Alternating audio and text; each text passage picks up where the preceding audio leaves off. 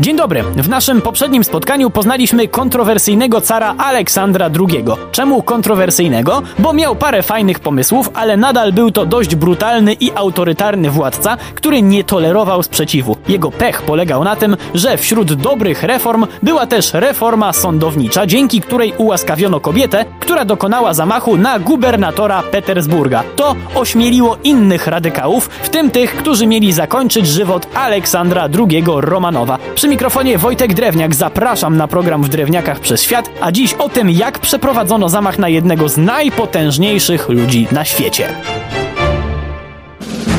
Kilka miesięcy po wyroku ułaskawiającym, który przed reformą Aleksandra II byłby nie do pomyślenia, zawiązała się w Rosji nowa organizacja terrorystyczna Narodna Wola. Założeń w sumie nie miała wybitnie oryginalnych. Zabić cara, co w ich mniemaniu miało w cudowny sposób uzdrowić jak ręką odjął cały kraj. Wiele ugrupowań szczyciło się w drugiej połowie XIX wieku podobnymi pomysłami. Narodną odróżniał jednak fakt, że faktycznie planowali wdrożyć je w życie przy pomocy bomb, które były tak samo śmiertelnie niebezpieczne, co łatwe w skonstruowaniu. W 1879 w pierwszym zamachu użyto aż trzech ładunków. Planowano bowiem wysadzić pociąg, którym car podróżował. Przy tej okazji okazało się zarówno, jak dużego farta miał Aleksander, jak również jak wiele pracy czeka jeszcze zamachowców. Pierwszą bombę pociąg ominął, to znaczy nie objechał naokoło, bo tak to pociągi do dziś nie potrafią, tylko nieoczekiwanie zmienił trasę. Ale to nic, bo były jeszcze dwie. Druga jednak jak na złość nie wybuchła, a trzecia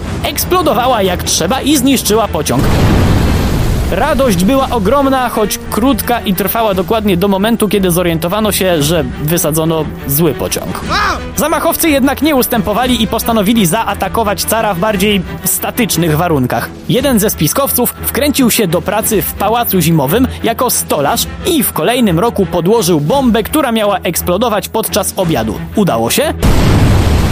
Tak jest. To znaczy bomba wybuchła i zabiła 10 osób, a 30 raniła, jednak carowi coś wypadło i spóźnił się na obiad, który miał być jego ostatnim. Oczywiście to nie tak, że car i jego otoczenie udawali, że nic się nie dzieje. Nie tylko władca poruszał się teraz z czujniejszą ochroną, ale przede wszystkim odpowiednie służby zaczęły węszyć i szybko wyłapywać członków narodnej woli. Jednak na ich miejsce przychodzili nowi, ambitni i wściekli, w tym jeden Polak, który miał się okazać kluczowy.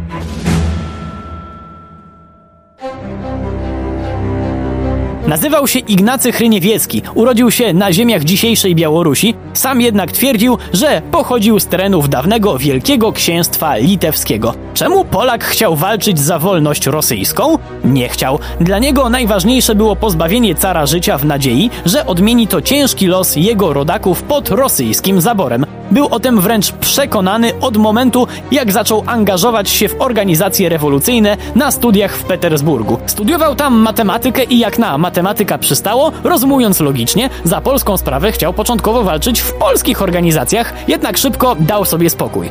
Czemu? Bo żadne z rodzimych stowarzyszeń nie było dla niego wystarczająco radykalne. W związku z tym Ignacy powiedział swoim kolegom: Gdy pójdziecie do lasu, będę wówczas z wami, a teraz, gdy nic nie robicie, będę pracował dla swobody Rosji.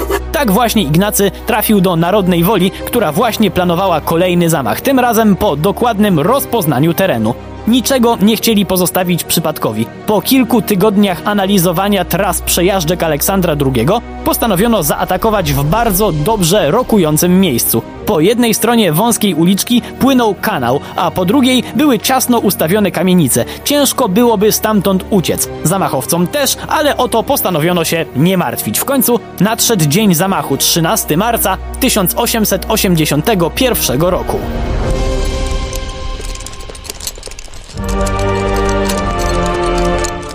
Car Aleksander II jechał w swoim powozie dokładnie tą trasą, którą wymarzyli sobie zamachowcy. Oczywiście władca Rosji nie jechał sam. Konwój składał się z dwóch powozów i tęgiej ochrony, ale nikt nie planował walczyć wręcz. W ruch znowu miały pójść bomby, szklane kule wypełnione nitrogliceryną. Na umówiony znak z pierwszą wybuchową kulą rzucił się w stronę powozu Mikołaj Rysakow. Żeby zabić cara, musiał wrzucić bombę do karocy, ale nie dał rady. Wylądowała pod nią i tylko uszkodziła pojazd i raniła ochroniarza. Pozostali natomiast szybko dopadli zamachowca i, no właśnie, nikomu nie przyszła przez myśl ewakuacja. Wszyscy uznali, że zamach się nie udał. W tym car, który na kozaka wyszedł sobie z powozu i patrząc terroryście w twarz rzucił zuchwale Chwała Bogu, jestem cały.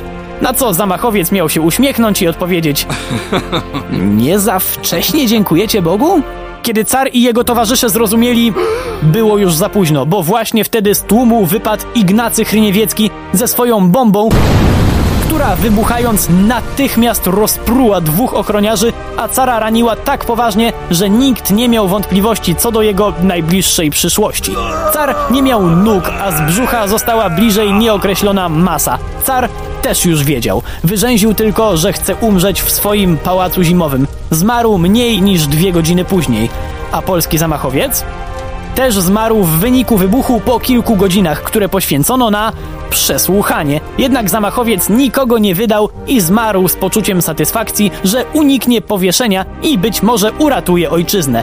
Miał rację tylko co do tego pierwszego, bo kiedy w wyniku śledztwa okazało się, że był Polakiem, to na nasze ziemię spadły jeszcze straszniejsze represje. To może chociaż Rosję uratował? Nie. Następca Aleksandra, jego syn, car Aleksander III, zaczął przywracać stare, surowe rozwiązania. Przy mikrofonie był Wojtek Drewniak. Do usłyszenia.